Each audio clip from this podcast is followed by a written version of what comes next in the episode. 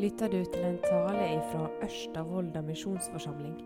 Om du vil vite mer om denne forsamlinga, kan du gå inn på øvm.no. I dag skal vi også fortsette å tale om Bibelen og snakke om den og prate litt om den etterpå også. Jeg er sikker på at vi vil få, eh, få mange gode spørsmål og kommentarer etterpå, eh, slik som det var sist, sist eh, onsdag. Vi ber litt først. Kjære himmelske Far, vi takker deg for at vi får eh, være i lag. Takk for ditt ord til oss, og takk for at du eh, er her med oss med din ånd og vil møte oss i ordet. Åpne opp ordet for oss nå, åpne opp tankene våre, så vi ser hva rikdom vi har i ditt ord. Hjelp oss til det. Og hjelp meg til å tale ditt ord. Det ber jeg om i ditt navn. Amen. Sist så eh, snakka vi altså om eh, Bibelen. Eh, og vi var inne på hvordan han var oppbygd, og hvordan han var, og innholdet i nå. Og vi snakka om Gamle testamentet, om Nytestamentet, om 39 og om 27 bøker i de ulike testamentene. Vi snakka om, om de mange manuskriptene som finnes, og som bekrefter denne teksten som vi har her. Og vi snakka om at det, Gud har, med sin ånd han har innblåst dette ordet. Inn, alt, hele, alle bøkene er innanda av Gud. De er inspirerte av Gud. De er slik Gud vil ha dem. Det er, det er en tale til oss om åndelige spørsmål, og den sikter inn på vår frelse. Det snakker vi om, at det, det karakteriserer Bibelen. Eh, der har vi det. Altså eh, 2. Timoteus 3,16 som sier hver bok er innanda av Gud, altså inspirert av Gud. Og Så var vi inne på det også, at Bibelen den er en norm for oss. Den forteller oss hvordan vi skal tro, hva som er rett og galt, hva som er rett tro, og hva som er gal tro for å si det slik. Den, den, viser oss hva som er rett norm. Og så er det et medium, eller et middel. Gud formidler gjennom ordet trua til oss. Han gir oss noe, han skaper noe i oss ved sitt ord. Eh, disse to ordene der, de skal vi ha med oss. Hvorfor skal jeg lese Bibelen? Fordi jeg må, spør meg kanskje. Ja, fordi jeg må. Og nei også. Eh, det gir føde til sjela vår. Den gir for trua vår. Eh, den som vil bli frelst, den må høre stemma til Gud, slik som den blir formidla i, i, Bibelen. Eh, prøv meg, sier ordet, Salme 34, 34,9. Eh, og kjenne at jeg er god. Smak og se at Herren er god. sel er den som søker tilflukt hos Han, står det. Den som vil ha med Gud å gjøre, med den evige Gud å gjøre, skaperen av alle ting, han som er talt, han som, er, han som eier alle ting. Ja, han må lese denne her, bli kjent med henne og tro på den måten. Bibelen er altså Guds tale til oss. Fra himmelen, fra det evige, inn i vår sin vær. Vi som kjører biler, vi som eter pizza, vi som går tur i skog og mark, vi som lager båter. Inn i vår vær taler den evige Gud for at vi skulle ha et evig liv utafor denne jorda en dag i framtida. Hvordan lese Bibelen? Jeg stiller et spørsmål som, lager et spørsmål til overskrifta. Eh, som overskrift over denne bibeltimen. Det skal handle om hvordan vi leser Bibelen. Eh, praktisk bibelbruk, altså. Eh, hvordan vi leser, hvordan vi forstår det dette ordet, hvordan vi gjør oss nytte ta det. Um,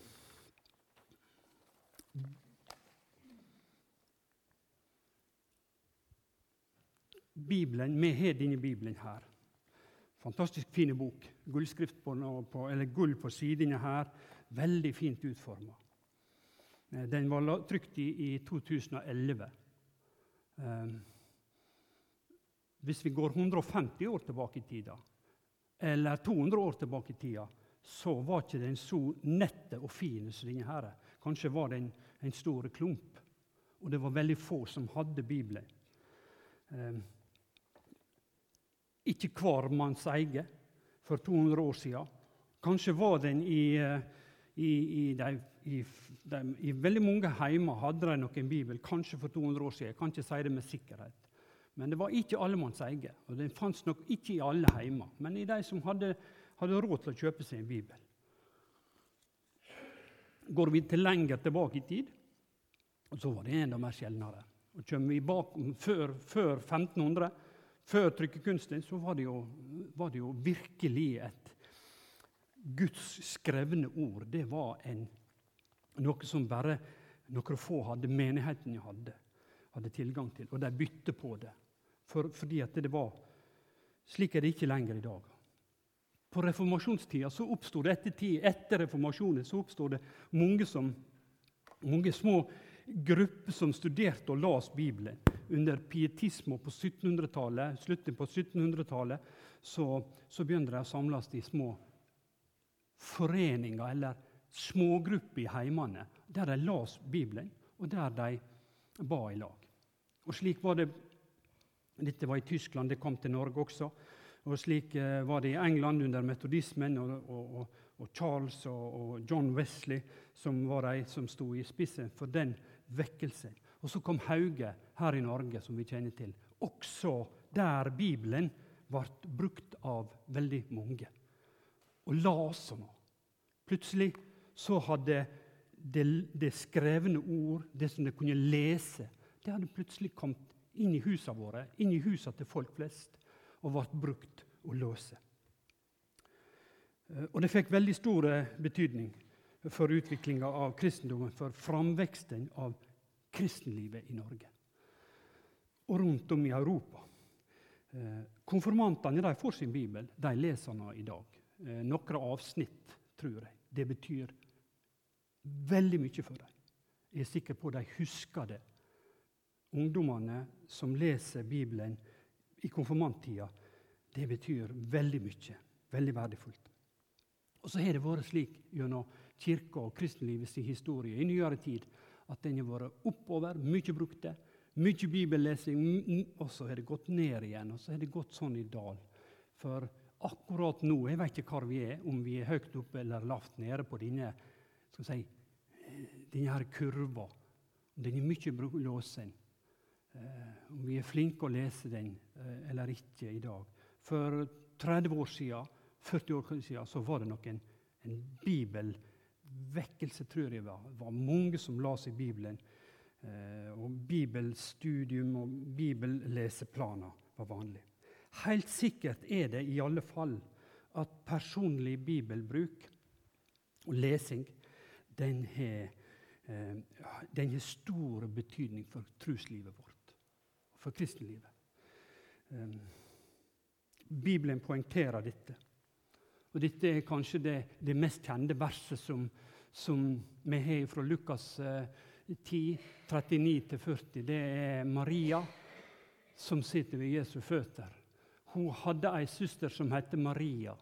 Og Maria sette seg ved Herrens føtter og lydde på ordet hans. Men Martha hadde det så travelt med alt hun skulle stelle til. Og Hun gikk bort til dem og sa, 'Herre, bryr du deg ikke om at søster mi let meg være tjener alene. Si til henne at hun skal hjelpe meg.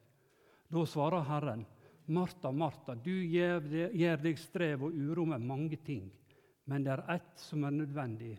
Maria har valgt den gode delen, og den skal ikke takes fra henne. Maria hadde altså valgt å høre Guds ord. Og så blir det i denne fortellinga her sett opp som det beste valget.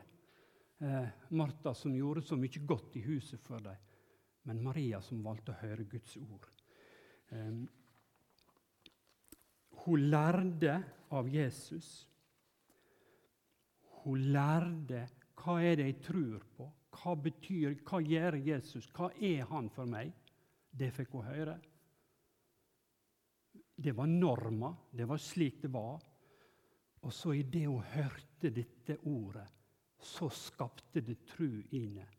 Det var et middel så hun kom til tru. Dette ordet som hun hørte, som ble sagt til henne.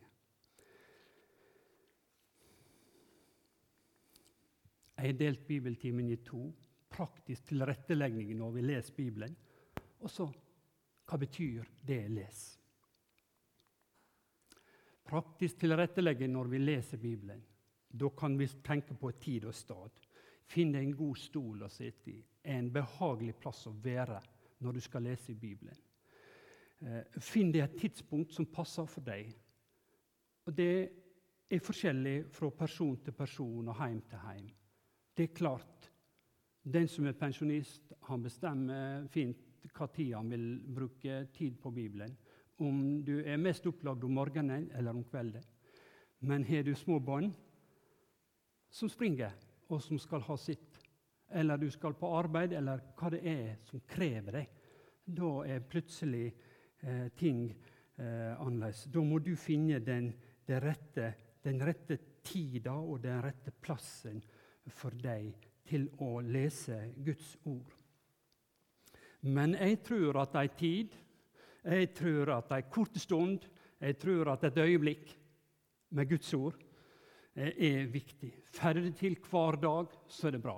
Får det til annenhver dag, så er det også eh, veldig bra. Får det til en gang i vika, ja, så gjør det. Det er det beste valget du kan, du kan, du kan ta. Høre Hans ord, Hans stemme, Jesu Guds ord, til oss inn i hverdagen vår. Eh, det fins ingen fast oppskrift altså på dette. der, Det må vi finne. Men dette er et viktig valg vi tar. Les og be. Når vi, leser, når vi bruker Bibelen og skal lese, så skal vi, så skal vi be. Um, det følger naturlig med det å be til Gud. Da oppstår dette her du og jeg-forholdet. Du og jeg-forholdet, altså. Dette personlige forholdet mellom meg som leser og som ber, og så Gud. Olav Valensenstad, den kjente teologen, han sier det. Det er, det er en jeg og du, jeg og du-relasjon, sier han. Um, det fører oss altså inn i et personlig forhold til Gud når vi ber og når vi leser. Noe helt annet å lese denne teksten her og be med den enn hva når vi setter oss ned og leser avisa. Det er noe helt annet når vi leser avisa. Dette er en samtale med Gud, og i det jeg ber, så åpner jeg opp hjertet mitt. Hallesby han sier det at det å be, det er å late Jesus inn i livet sitt. Late Jesus inn i hjertet sitt. Og så viser han til et bibelord som står i åpenbaringa. Sjå, jeg står framfor døra og banker. Om noen hører mi røyst og åpner døra, da vil jeg gå inn til han og holde måltid, jeg med han og han med meg. Så bruker han dette bibelverset og så sier han, det er å be. Det er å åpne opp. Når du ber, så åpner du opp døra for Gud inn i livet ditt. Det er et fint bilde. Og hva skjer da? Jo, da kommer Gud til oss, Jesus Kristus, i sitt ord. Og så taler han til oss. Så har han med oss å gjøre. Stunder kan bibelordet møte oss på det tankemessige planet. Andre ganger kan det møte oss rett i følelsene våre. Det er helt naturlig, helt rett, helt godt. Vi skal lytte til det når han taler til tankene våre. Og vi skal lytte til ham når han taler til følelsene våre. Når han kommer med trøst. Når han kommer med lovnader til oss. Eh, eller når han kommer med tukt til oss som vi ikke liker også, som rører ved følelsene eller tankene våre. Bibelsamtalen det er et punkt som jeg eh, har sett opp på, som jeg tenker hva, er, hva skal det handle om i da? Jo, når jeg setter opp det, så tenker jeg på det at det, vi leser jo ofte Guds ord i lag med noen, kanskje med ektemaken eller la med ungene våre eller noen annen. Og så snakker vi om tekster. Det oppstår en samtale etter at vi har låst eh, tekster. Eller det kan oppstå en samtale ut av ingenting også. At det plutselig så så begynner vi å snakke om noe. og Det kan dreie seg om hva som helst, om personer i Bibelen. Det kan dreie seg om, om de ti budordene, f.eks. Eh, denne samtalen der den er veldig verdifull. Da, da, da, da bruker vi bibelordet inn i våre sine liv og anvender det i det daglige. Tenk når vi snakker om det sjuende budet som er 'du skal ikke stjele'. Eh, jeg er ganske sikker på det at alle foreldre sier det til ungene sine, at 'du skal ikke stjele'. I en eller annen sammenheng. Og Da er det fint å knytte det til Gud. Og Da er det fint å legge det ut og bruke det en, og sier hva betyr dette for oss. Hvorfor sier Gud dette til oss? Hva er hensikten med det? Denne samtalen omkring tekster det er med ungene, det er med ektemaken, det er med vennen du har ved din side, eller hva det skal være, eller i ei, i ei misjonsforening eller ei bibelgruppe. Det siste under dette her, punktet her, det er jeg får ikke det til. Jeg får ikke til å lese Bibelen skikkelig. Jeg er ikke fornøyd med meg sjøl om jeg har bibellesing. Den følelsen tror jeg, eller iallfall har jeg hatt, og jeg tipper at veldig mange har hatt det. Jeg får ikke det helt til. Jeg blir trøtt. Jeg klarer ikke å holde konsentrasjonen. Og jeg syns det, det, er kjedelig. Eller noe sånt. Det går i bølgedaler, dette der. Det er ikke å åpne Bibelen alltid på topp, altså. Vi er ikke der alltid. Eh, så vi har denne følelsen stunder, noen hver. Eh, periodevis. Av og til, men ikke alltid. Slik er livet vårt eh, når det gjelder å bruke Bibelen. Og Da vil jeg likevel oppmode deg til å regelmessig bruke Bibelen din. Og Jeg vil si det slik ikke begynn for tungt. Ikke lag for lang lesing. Ikke, ikke prøv å ta det inn igjen med lange lesebolker. Nei, Begynt med noe fem-ti minutter. Litt og så kan du heller øke på. Begynt med noe som eh, er lettfattelig og forståelig. Men ikke bare det som er lettfattelig og forståelig, skal vi lese, vel? Vi skal jo lese alt som står der. Kanskje skal vi også ta oss tida til å kjempe med tekster og kjenne etter den. Um, har Bibelen lett tilgjengelig. Har Bibelen lett tilgjengelig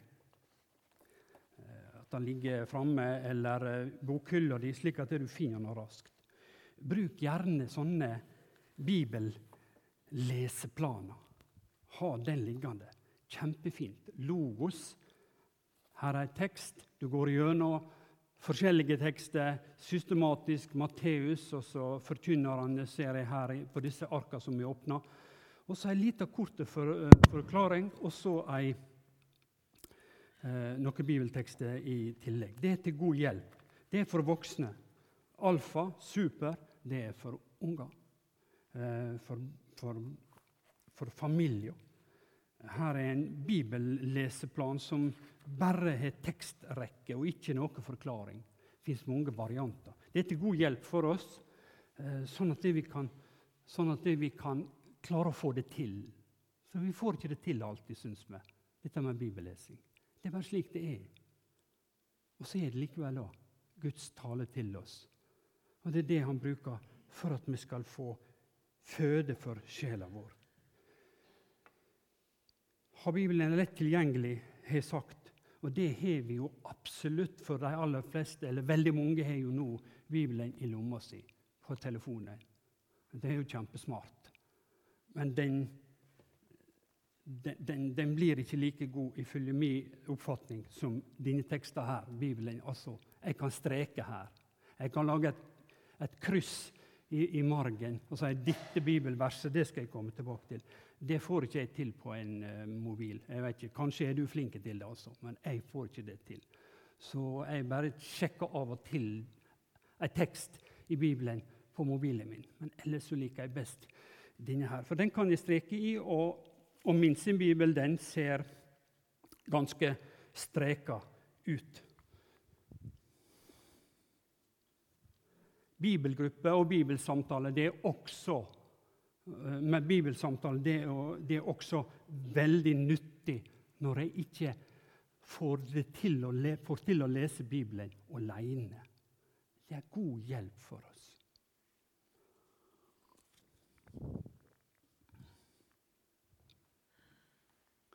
Så skal vi over på den siste delen.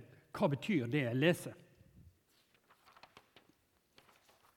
Det er også en erfaring som jeg tipper vi har hatt. Jeg forstår ikke hva dette her betyr. Um,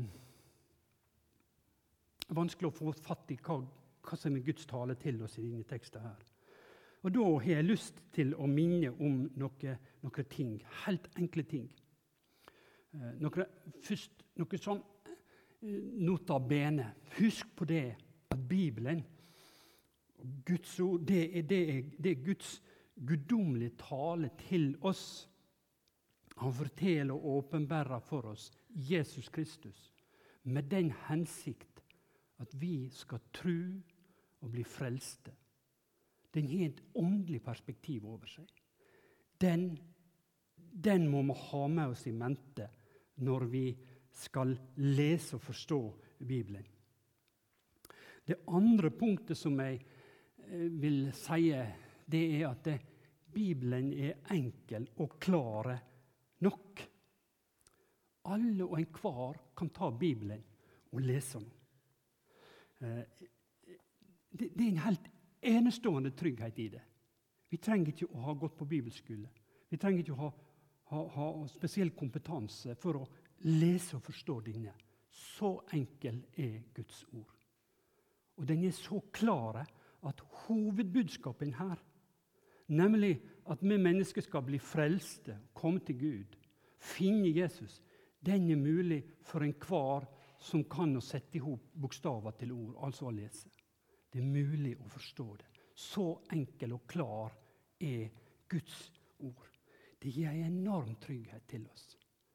En enorm følelse av at dette ordet kan jeg åpne, og jeg kan bli vise til frelse hjelp til å forstå tekster. vi skal ta noen punkt der. For det første så er Bibelen Kristus-sentrerte. Hva betyr det? Det betyr at Gamle testamentet det peker framover på Jesus. Det peker framover på Jesus på en merkelig måte. Så de ordene som står der, de, de, de, går i oppfylling til slutt i Nytestamentet med Jesus Kristus, han som er født av Møya Maria, han som er Guds sønn. Og så, og så går det i oppfylling av hånda. Det peker ditover. Slik er den Kristus-sentrert. Og Det andre aspektet ved det at han er Kristus-sentrert, det er at eh,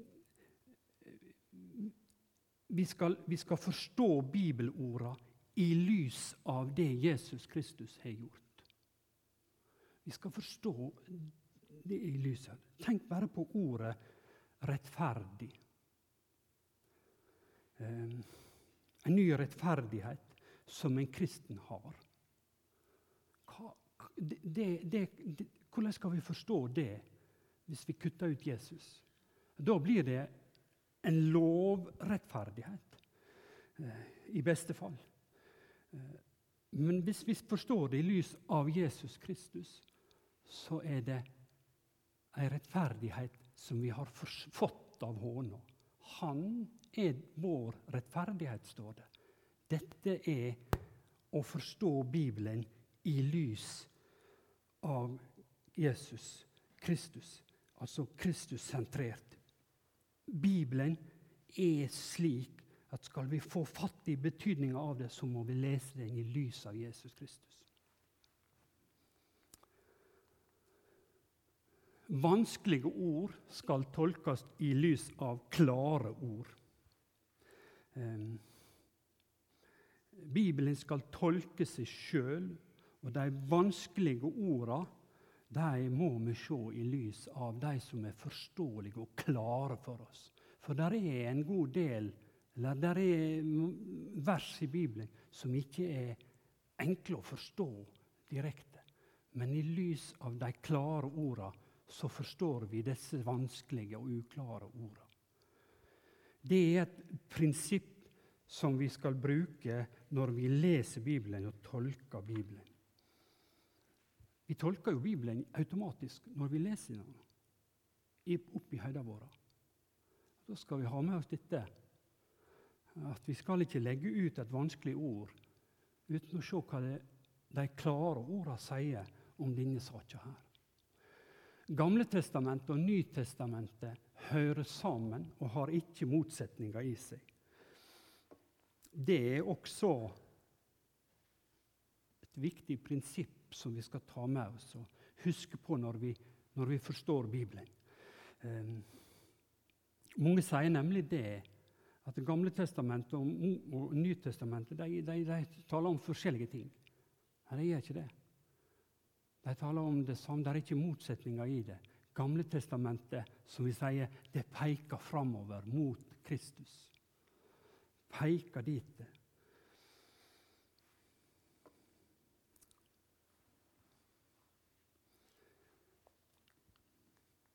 Og så har jeg et punkt til som heter kontekst det er også litt lurt å ha med seg når han skal lese Bibelen og forstå det. Hva mener vi med ordet kontekst? Jo, vi mener jo hvem er denne her, dette, dette brevet skrevet til? Det er skrevet til de kristne i Rom, står der f.eks. i, i, eh, i Romabrevet 1,6. Det er skrevet til korinterne, de hellige i Korint. Ehm, de er skrevet til, til de jødekristne, kan det stå. Altså til de som Vi vet at det, denne forsamlinga var jødekristne. De hadde altså kunnskap om hele Det gamle testamentet. Som de jødekristne som bodde i, i, i, kanskje i Roma eller i andre plasser i, i ehm, det, det, er et viktig aspekt å ha med seg når vi leser. Det kan hjelpe oss til å forstå tekster bedre. Eller når vi hører Jesus snakke med Nikodemus i Johannes 3. Fariseeren Nikodemus, hvem var han? Han var jo en høyt utdanna mann. Han var jo en, en, en, en, av de fremste lærerne på den tida. Eh, det kan være med på å forstå hjelpe oss til å forstå det som det som blir sagt her. Går vi til Gamle Testamentet, så taler profetene der inn i ulike situasjoner. Jesaja han taler til folket før de ble ført bort i fangenskap. Før de ble ført til Babylon i fangenskap. Han kaller dem til omvending. Han profeterer om at dette vil komme til å skje eh, en gang i framtida. Hvis vi går til Jeremia, som kommer etter Jesaja, så handler det om akkurat i den tida da de blir bortførte. Og deler, siste delen medan de ennå er i fangenskap. Altså i en veldig kritisk situasjon for jødene. Går vi til Esekiel, som kommer deretter, så er det altså medan de er i fangenskap. Leser vi Josfas bok, Hva er det Josfas bok? Jo, da står de på grensa av eh, Jordanelva og skal gå over elva mot Kananslandet, inn i dem. Det er situasjonen. Disse der, dette der hjelper oss til å egentlig fange opp mer av teksten. Ganske lurt å huske på det. Eller kontekst kan også dreie seg om hva slags tekst står ved siden av. forut og etterut. Det er også en hjelp til å forstå den teksten vi har. Tenk på Johannes 6. Det er fortellinga om da Jesus metta 5000 mennesker. Neste, Rett etterpå så forteller han, sier han 'Jeg er livets brød'. Og så har han en lang utlegging om det. Om at han er livets brød. Så står det i lag, disse her, og så spiller de på hverandre. Og Midt imellom disse to tekstavsnittene så er det et lite avsnitt om at Jesus går på vannet. Den guddommelige går på vannet. Han som metter mennesket, han går på vannet. Han er guddommelig. Og så er han den som skal frelse oss og føre oss til himmelen. Hjelp oss å forstå teksten. Siste punktet her det er lov og evangelium. Bibelen er delt i lov og evangelium. Det er en kjempegod ting å ta med seg. Når vi leser Bibelen, eh, så kjenner vi det med en gang. Å, dette var litt skummelt å lese. Jeg blir redd. Jeg føler meg dømt. Jeg føler meg trist. Jeg kjenner at jeg, har gjort noe galt. Den følelsen er veldig viktig å lytte til. For da taler Gud til oss om akkurat en spesiell ting, sak, nemlig vår synd, vår hjelpeløse. Og Det er lovens tale inn til oss ifra Guds ord. Og I neste øyeblikk så kommer evangeliet til oss og taler og sier det at det, du som er fortapt, du som er et bortkommet får og gått deg vill, så kommer han og henter oss inn igjen. Han trøster, han er miskunnsom, han er god. Det er evangeliets tale til oss. Det gjør oss glad. Og jeg vil si det til oss denne følelsen der, følelsen av som, som blir skapt i livet vårt når vi leser tankene våre og følelseslivet vårt, når vi leser Guds ord, de skal vi lytte til. For da taler Gud til oss. Da får Han flytte oss. Og da får vi finne det punktet der vi finner trøst.